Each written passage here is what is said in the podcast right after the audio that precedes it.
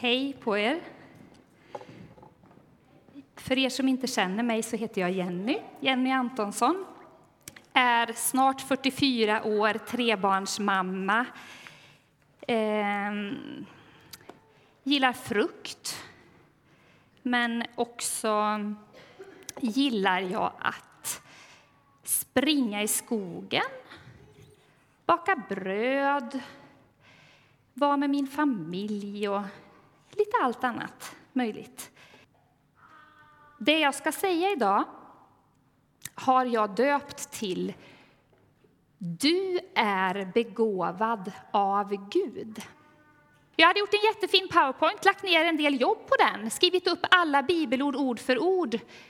Och jag är inte så begåvad i det här med det tekniska, det vet alla som känner mig väl. Så jag hade sparat det fel, så att när Gustav skulle lägga upp den nu så fanns den inte på stickan. Eh, så nu är jag ju fri att prata åt vilket håll jag vill. Jag är inte begåvad där, eh, men du är begåvad av Gud. Nu får jag säga saker flera gånger för att jag hade tänkt förstärka det genom powerpointen. I Sverige idag så är det mycket som influerar oss. Ehm, till exempel så går vi på bio eller läser en bok. Hur många har läst boken eller sett filmen En man som heter Ove? En stor del av den här eh, samlingen här. Jag var och såg den för två veckor sedan. Eh, mannen Ove har precis nyss Eh, han har eller, ganska nyss mist sin fru och saknar henne oerhört. Och under filmen så målas bilden av hans fru upp som en kvinna som är vacker, god. Hon har tålamod med hans egenheter och hon har självbehärskning. Hon brusar inte upp. Hon är ödmjuk. Han får veta efter hennes död av hennes elever hur fantastisk hon var som lärare, men det var inget hon skröt om. Och när jag gick ut från biografen så var jag väldigt rörd över bilden av Sonja, Oves fru. Och så slog det mig. Sonja, hon är bilden av det här.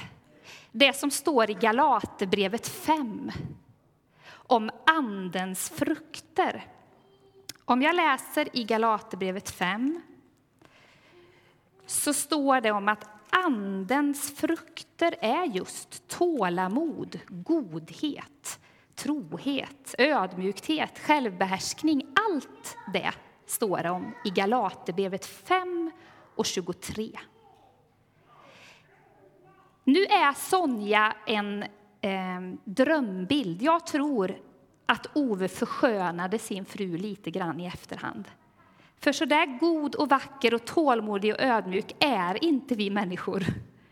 Men vi önskar. Och när jag såg filmen så kände jag att tänk om man ändå var lite mer så. Sen vet jag att när jag är stressad eller trött så är jag inte alltid så där tålmodig och ödmjuk och god. Det vet mina kollegor och min familj. Och jag är inte riktigt så som jag önskar. Men jag skulle vilja äta lite mer av de där frukterna. Och det där satte igång något i mig. För jag tror ändå att jag är begåvad av Gud. Jag tror att Gud har gett mig gåvor. Och jag tror att Gud har gett dig gåvor. Idag så söker vi i andlighet, svensken. Man söker frid och kraft. För vi lever i en väldigt orolig värld. Jag tror aldrig att det har varit så oroligt som nu. Så känner vi. Sen vet vi andra världskriget, vi vet bara, men så känner vi just nu tror jag. Att det är en enormt orolig tid. Människor i Sverige läser horoskop, några går till en spådam. Vi söker i new age, man går till ett medium. Eh, man, man eh, eh, aktivt använder sig av yoga och meditation. Det är väldigt vanligt idag. Men kristendomen då? Är inte den bara väldigt torr och tråkig? Bibeln, öh, gudstjänst. Har kyrkan något att ge?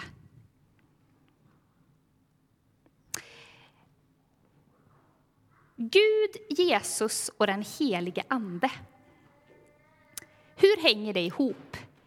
Andens frukter. Vem är den där anden? Vad är den helige Ande för något?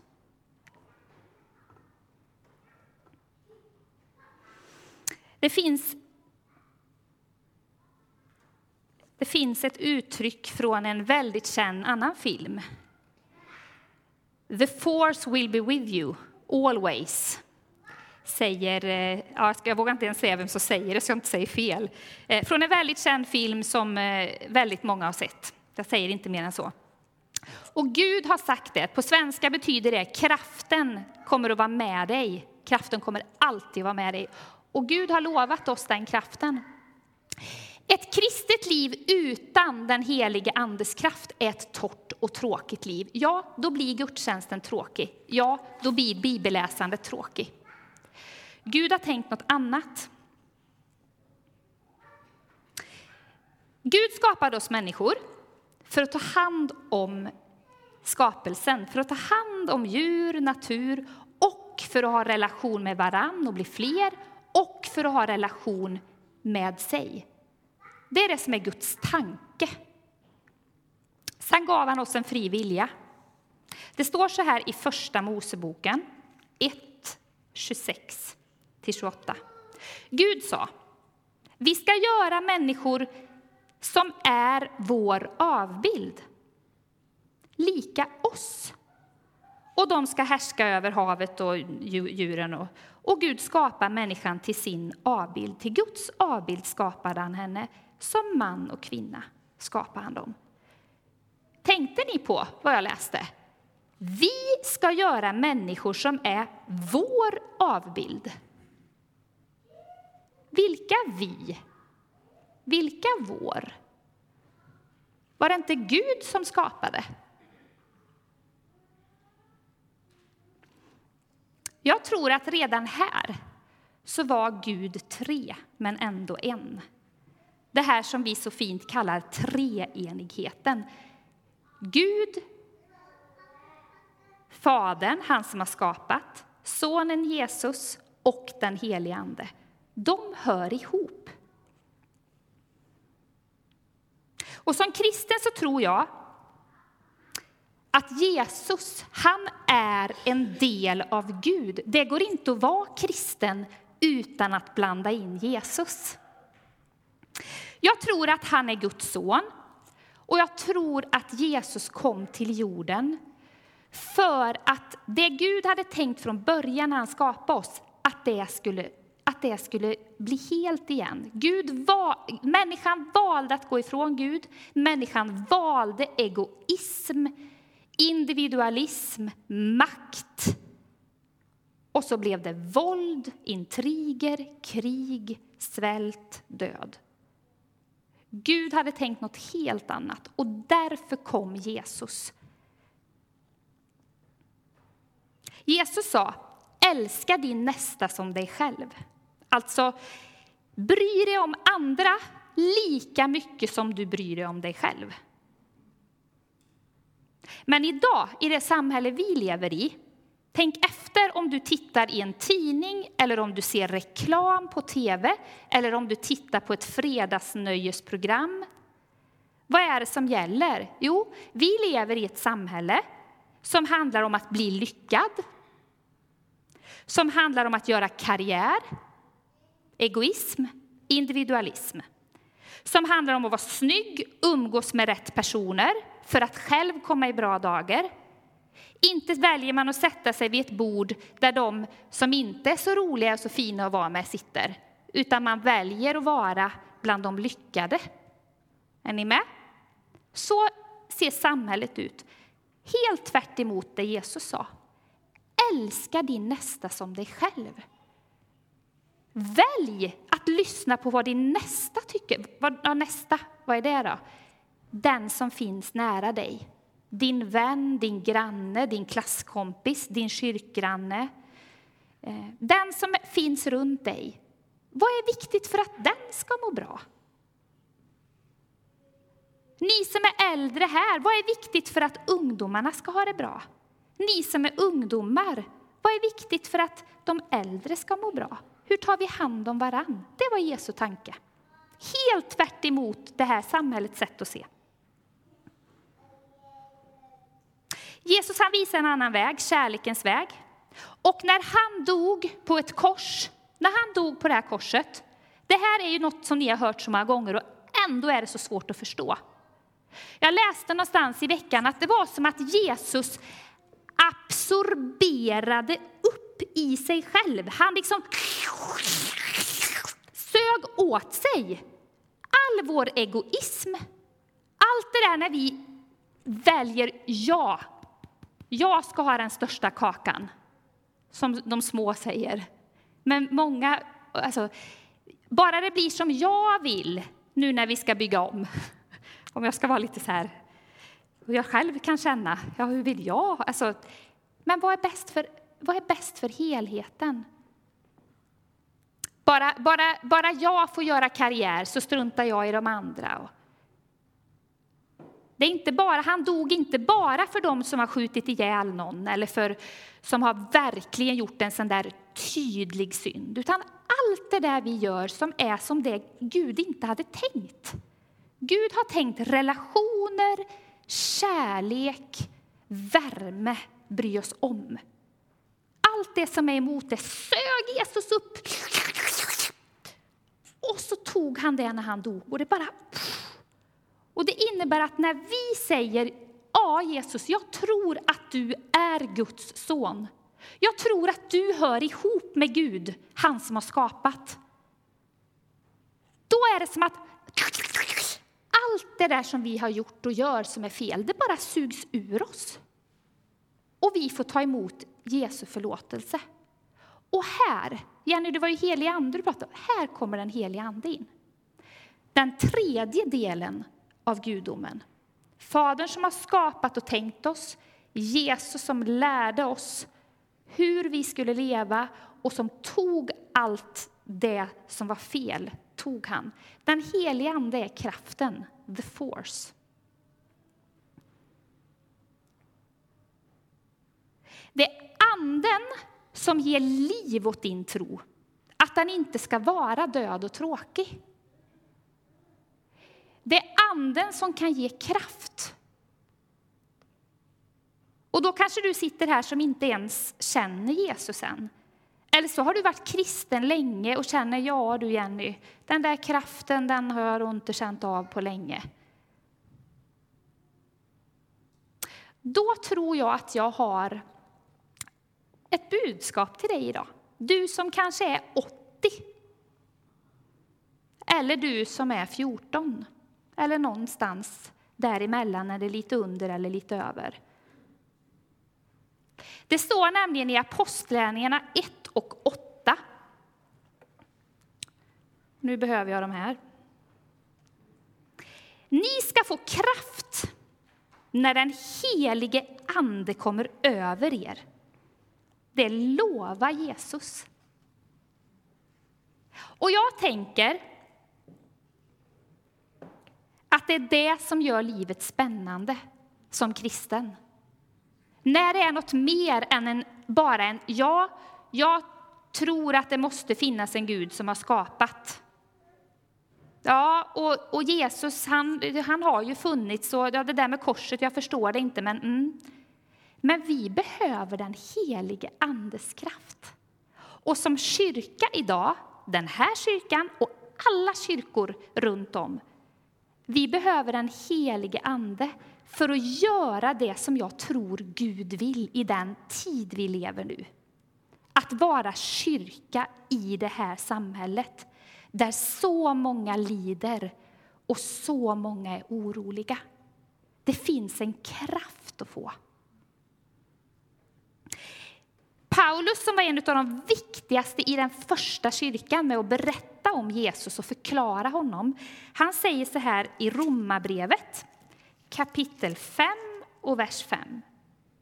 Hoppet sviker oss inte, för Guds kärlek har ingjutits i våra hjärtan. Att gjuta in, något som gjuts in sitter rätt mycket fast, eller hur? Det sitter väldigt fast.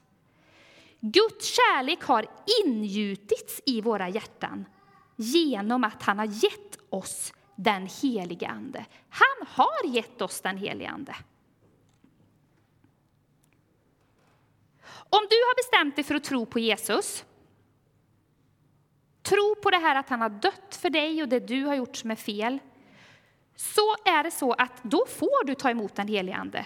Han har gett oss den helige Ande. Okej, okay. du är begåvad av Gud. Vet du det? Lever du i det? Tänker du så? Att du har fått gåvor av Gud.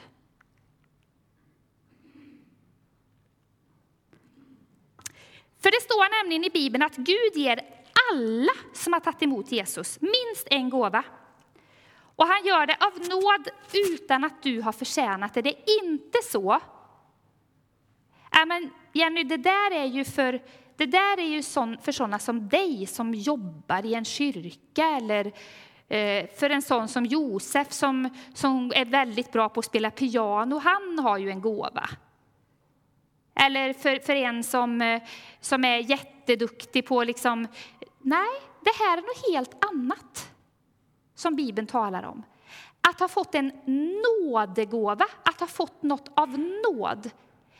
Det står väldigt tydligt. Jag har läst och läst och läst i veckan, ska ni veta. Jag har läst på hur, de ställen jag kan hitta för att känna att det inte är jag som säger det här, utan det är Guds ord som säger det här. Och Guds ord säger att alla som har tagit emot Jesus, som har bestämt sig för att tro på korset och att han dog och tog allt det där som du har gjort, alla har fått minst en nådegåva var.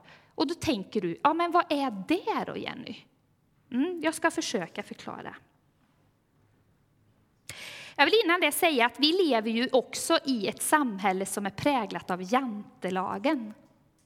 Och för er som inte är från Sverige så ska jag försöka förklara vad jantelagen är för någonting.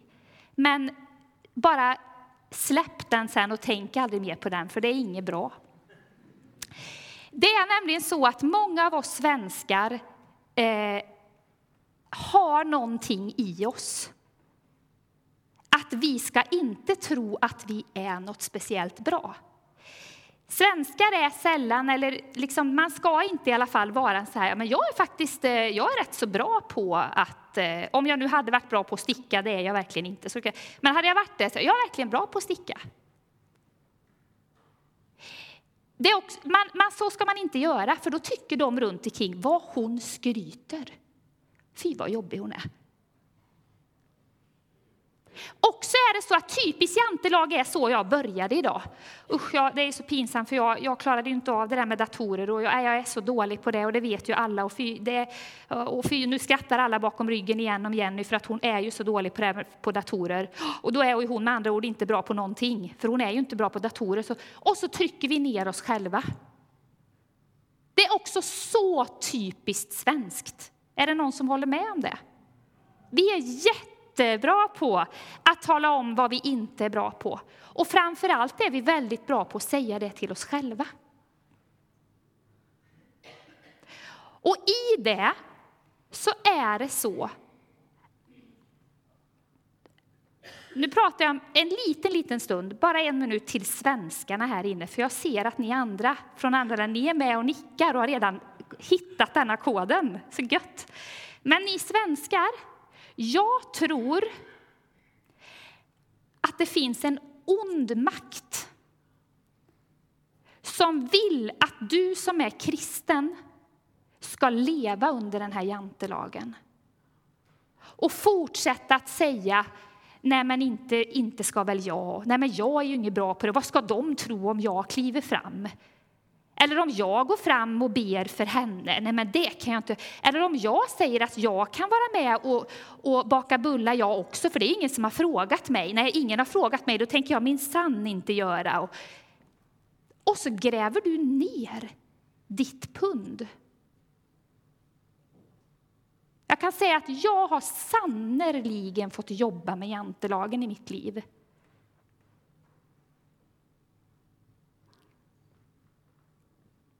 Men jag tror att Gud vill att jag ska stå här. Jag tror det. Jag tror att Gud har gett en gåva till mig. Att våga stå så här och tala, fast det är jättejobbigt. Jag tror att Gud har lagt det på mitt liv. Och så får jag jobba med jantelagen. Ja, vem är du, Jenny, att stå där nu igen? Och vem är du att tala om? Du som har gjort det här och det här. Och... Men så är det för oss allihop.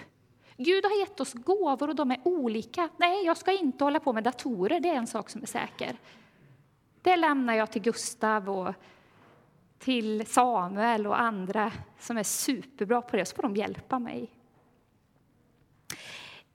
Eh, andra Timotebrevet 1-6, det är många bibelord idag. Där står det, eh, där står det om att blåsa liv i den gåva som Gud... Eh, nu ska vi se. Hur står det nu då? Det som är det viktiga i det, det är att det står så här att jag vill att du ska blåsa liv i den nådegåva från Gud som finns hos dig, säger Paulus till Timoteus. Den finns hos dig sedan jag la mina händer på dig. Jag tror det finns en kraft i att komma inför Gud och säga Gud, vad är min gåva? Var är jag i pusselbiten? Bibeln ger bilden av att vi som kristna är som en kropp. Att alla behövs, för vi är olika. Vi behövs allihop.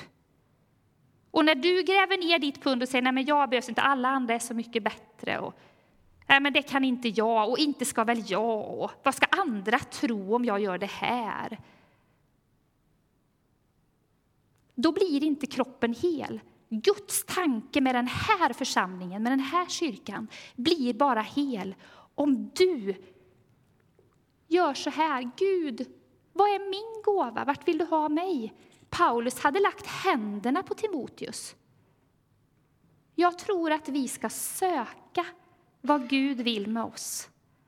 Att alla vi behöver någon som lägger handen på oss och ber en bön och låter den handen vara en kanal från Gud till dig. Och du som inte är en kristen än, du som inte känner Jesus. Du skulle behöva att någon la handen på dig så att ditt hjärta öppnas och du bara, ah, nu tar jag emot honom. Nu är det dags. Jag tror på bön och förbön och handpåläggning att det finns en kraft. Jag har en stor erfarenhet, erfarenhet från det i mitt eget liv. Att någonting händer när jag tar steget och ber någon be för mig. Det ligger en kraft i det.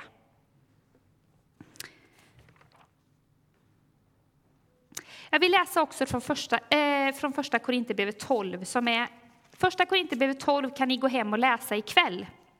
Eller några verser varje dag i veckan. Första Korinthierbrevet 12, lägg det på minnet. Där står det nämligen om Andens gåvor. Jag vill bara nämna vers 7 där det står om att hos var och en framträder Anden så att den blir till nytta. Det var det jag pratade om.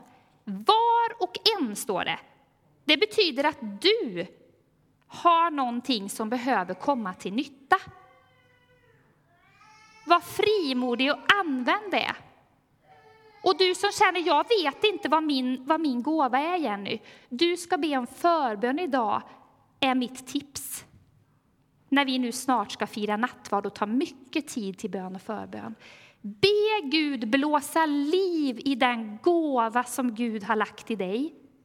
Och om du inte har fått den där handpåläggningen för det än, så be om den idag. Gud, vad har du gett mig för gåva? Vi hoppar till vers 11 i första Korinthierbrevet 12. Där står det allt detta åstadkommer en och samma ande genom att fördela sina gåvor på var och en så som den själv vill. Anden fördelar alltså gåvorna som den vill. Det är med andra ord inte på grund av att du har varit så bra eller för att du inte har varit bra, utan Anden ser till, vem är du? Anden såg ju tidigt att lilla Jenny, hon älskade att skriva. Hon älskade att skriva uppsatser i skolan, svenska och att åh, det var det bästa jag visste. Klart att det hör ihop med att jag nu älskar att sitta och skriva på en predikan. Jag kom på det för ett år sedan, det är ju samma sak. Alltså att skriva, älska och att prata och spela teater. Och... Det är klart att Gud såg det. Är ni med? Ingen behöver bli rädd att Gud kommer att vrida om och göra något, utan han vill blåsa liv i det som finns i dig och förfina det så att det också kommer till användning för fler.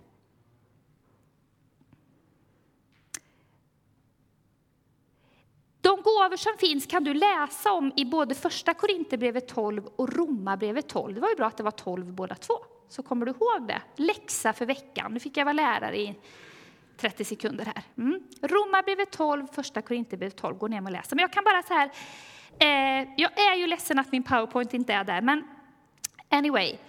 Vad finns det för gåvor? Bara så att du ska liksom känna att det är inte bara att predika, utan det kan vara till exempel att fixa och lösa praktiska saker. Det är en form av att vi kan få en andlig gåva för att Gud ser att det behöver finnas sådana människor i en församling.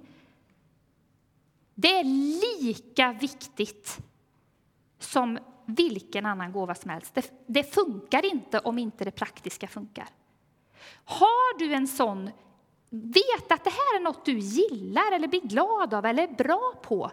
Kliv fram i det. Fixa praktiskt. Var med. Och känn inte åh, om jag ändå hade varit duktigare på att sjunga. Eller om jag ändå hade varit mer sån. Utan lev i det Gud har lagt i ditt liv och använd det. Vi behöver mycket mer av det om vi, om, Gud, om vi ska kunna göra det som församlingen vill. Tänk nu när vi ska renovera till exempel. Det behövs massor av det här praktiska. En annan gåva är att uppmuntra. Det behöver vi enormt mycket av, alla.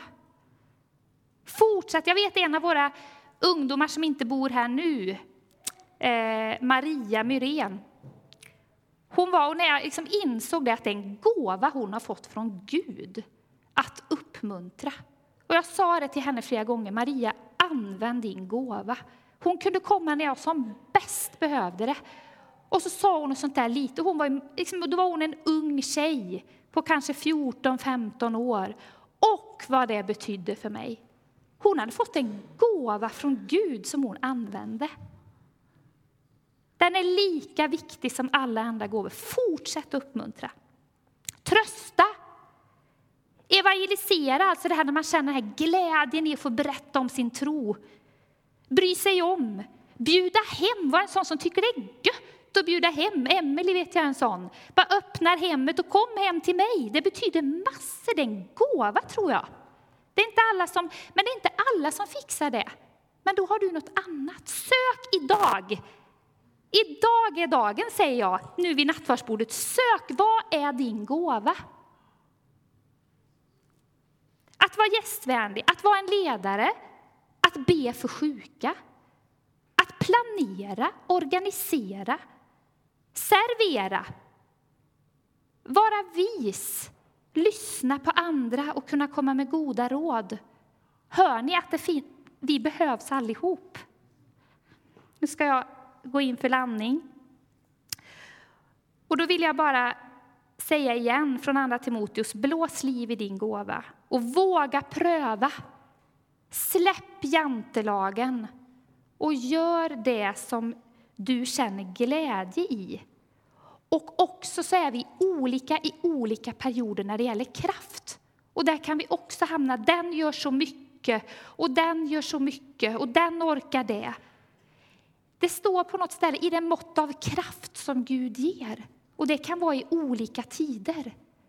Slappna också av i det, att det är det här jag kan just nu. Det är det här jag mäktar med. Vad kroppen klarar, vad min livssituation klarar. Och gör det, det lilla du kan. Men gräv inte ner ditt pund. Jag ska avsluta med, och det vill jag också göra utifrån ett bibelord från Romarbrevet 8 där det står så här i vers 25. Om vi hoppas på det vi inte ser, då väntar vi uthålligt. På samma sätt är det när Anden stöder oss i vår svaghet. Vi vet ju inte hur vår bön egentligen bör vara, men Anden vädjar för oss med rop utan ord. Och han som utforskar våra hjärtan, han vet vad Anden menar eftersom Anden vädjar för de heliga så som Gud vill. Mm -hmm. ja, då vill jag säga så här. Först, för att den heliga Ande ska, gör, ska börja verka så tror jag att vi behöver gå.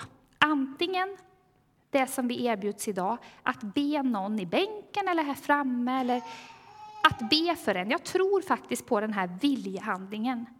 Men också att gå på det sättet att göra någonting i tro, men nu gör jag det här. Och så se att någon annan blev glad, någon annan blev välsignad. Någonting hände. Jag var med om det i veckan en, eh, en vän till mig som länge har liksom bett om att få känna kraften. Jag har uppmuntrat till att en sak är att ta tid med Gud. Det här som jag säger hela tiden, att inte bara mata sig med mobilerna, med tvn, med, med eh, böcker, med vänner, utan ta tid varje dag med Gud, vara med Gud, stänga bort det andra, det är det ena. Men också att att när vi gör något för andra, när vi, när vi då tjänar, då händer något. Och så kom den här vännen till mig och sa, Jenny, nu har jag, i veckan har jag verkligen fått känna Guds kraft. Och vet du när det var? Det var när jag la handen på, jag vågade lägga handen på och be för en vän. Då kom Guds kärlek så starkt. Och, jag, och då fick jag bekräftelse inför den här predikan. Ja, men det är ju precis så det är. När vi tjänar, när vi gör något, då. För vi ska inte ha de här gåvorna för vår skull. Det är inte för, och kan jag inte få känna lite mer nu? Jag vill känna. För att jag, för att jag vill känna. För att jag vill känna så vill jag känna. Varför känner jag ingenting? Varför upplever jag inte Gud? Vad torrt det är. Ja, men då kommer vi till vårt samhälles sätt att se. Egoismen, individualismen, jag. När Gud vill ge oss för att vi ska välsigna andra med det. För då blir vi välsignade. Och precis det fick min vän en sån aha-upplevelse för i veckan. Och jag fick liksom, yes, det är så det funkar. Och utifrån Romarbrevet 8, när jag var 10-11 år så var jag på läger jag var på läger, jag älskar ju fortfarande läger, det vet ni som känner mig. Och det är för att jag, de betydde så mycket för mig redan som 10-11-åring. Och då berättade man om och talade om den helige Ande och om, nu kommer det där som några har suttit och känt, ska hon säga något om det där allra konstigaste? Nu kommer det. Nu säger jag det. Det där konstiga som pingstvännerna pratar om, tungotalet, vad är nu det då? Mm. Jag var 10-11 år och jag gjorde det som jag inbjudit er till idag. Jag gick fram för förbön. Det betyder alltså att jag gick fram och sa att jag vill att du ska be för mig, sa jag till en äldre man som hette Bertil. Och Bertil han la sin hand på mig, inget så han skakade mig inte och han tryckte inte ner mig. Eller, utan han la sin hand på mig och så han kände mig, han kände lilla Jenny. Och så bad han för mig. Och så sa han att om du, får, om, du hör, om du tänker några ord, så säg dem. Och det gjorde jag. Jag hörde några ord, jag tänkte några ord. Och jag tänkte, jag säger dem? Nej, nej, och det är bara mina tankar. och nej. Men så sa jag de där orden. Några få ord som alltså inte var svenska, inte engelska, inte tyska, det är de tre språk jag kan nu. Det var inget av dem. Eh, jag vet inte om det var swahili eller eh, något annat som jag inte kan, det vet jag inte. Men jag sa de där få orden. Och i början var det bara kanske tre ord som jag ibland sa och jag fattade faktiskt inte så mycket varför. Men det kändes på något vis skönt. Och när jag hade sagt de där orden ibland när jag bad så kom det fler ord och fler ord. Och idag när jag ber så har jag ett bönespråk som kallas tungotal med ord som jag inte förstår. Och nu tänker någon, nu är, titta nu kom den då. Det där med helig ande och att ha en kraft och ha gåvor och göra gott för andra lät ju bra, men nu kom den då, det där konstiga. Mm. Då ska jag säga så här. Om jag ska vara helt ärlig så vet jag fortfarande, jag kan inte säga till hundra procent om det är jag som hittar på de där orden eller inte.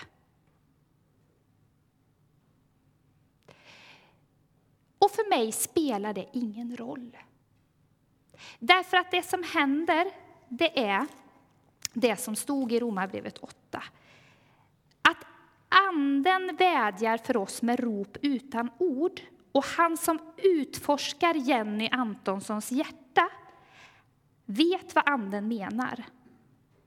Jag tror att när jag är tillsammans med Gud och när du är det, så är ett att vara med Gud, det är Gud, jag ber för mina barn, för Elias, Ellen och Agnes som jag älskar så mycket och vill det bästa.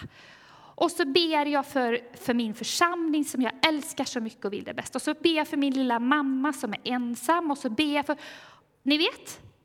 Och så fylls vi ibland av ännu mer oro när vi ber allt det där. Och ibland lättar oron.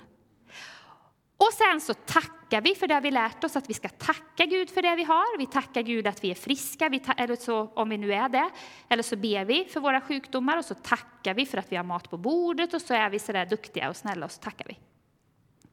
Men ibland, och allt det där är helt rätt och riktigt, det är så bibliskt och jag använder mig av det enormt mycket. Men att bara vara med Gud kan vara svårt. Men då hjälper mig det här bönespråket. Jag bara är. Ibland sitter jag på en stol, ibland är jag ute och går. Ibland böjer jag knä hemma i köket vid vår vita fåtölj. Och så säger jag de där orden, för då behöver jag inte tänka på allt som oroar mig. Alla böneämnen, alla jag har lovat att be för. Jag behöver heller inte ens pro, eh, liksom, och nu måste jag komma ihåg att tacka för alla saker, utan jag bara är med Gud. Och någonting händer här inne då. Så du som inte har tungotalet, det är inte, har du det inte eller om du får det, det är inte ett kvitto på att du är en bättre kristen. Det är inte ett kvitto på att du är en heligare människa. Men jag vill ändå säga att jag tror att det är ett erbjudande. För att du... Eh, det är en läkedom på något sätt i att få tala i tungor. Så har du det inte så kan jag bara säga sök det. Gör som jag gjorde. Kom fram och är du 80 år och varit kristen i 70 spelar ingen roll. Det kanske är så att Gud ser att just nu dina sista år så behöver du det där. För att Gud ska blåsa liv i något i dig. För vi behövs allihop. Och det är för din egen skull. Nådegåvorna är för alla, men tungotalet är för din skull, tänker jag. Nu vill jag hälsa er välkomna när Josef har sjungit till ett dukat bord där vi ska få fira nattvard tillsammans. Ta chansen. Använd din gåva om du har att be för någon annan. Att tala ett ord från Gud till någon. Att be någon av Sam eller mig eller någon annan om förbön.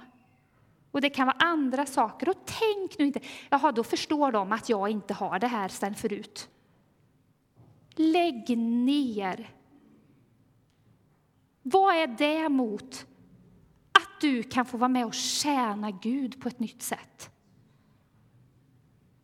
Att du kan få vara med och förändra världen tillsammans med Gud. Gud, jag vill be om att prestige ska försvinna ur detta rum just nu. Jag vill be om att den som längtar efter att få lära känna dig, Jesus, ska få göra det precis den här eftermiddagen.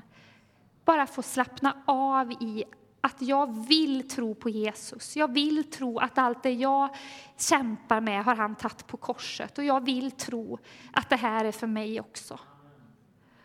Och Herre, jag ber att de som känner att ja, det behöver blåsas liv i min ande. Jag vill ha ett, ett starkare kristet liv som både ger mig kraft till vardagen men också får betyda någonting i det större perspektivet och vara en del av församlingskroppen.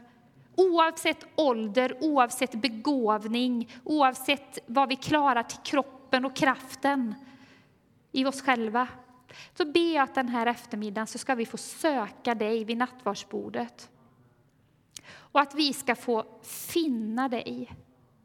Att du, heliga Ande, ska blåsa liv i de gåvor du har gett oss. Och att vi ska få tjäna. Herre, vi önskar ju vara en församling i förändring, i förnyelse. För den värld som vi har runt omkring oss. För det samhälle som vi står i här i Karlstad. Och då behöver du göra något i våra hjärtan. Kom och berör oss den här stunden. Amen.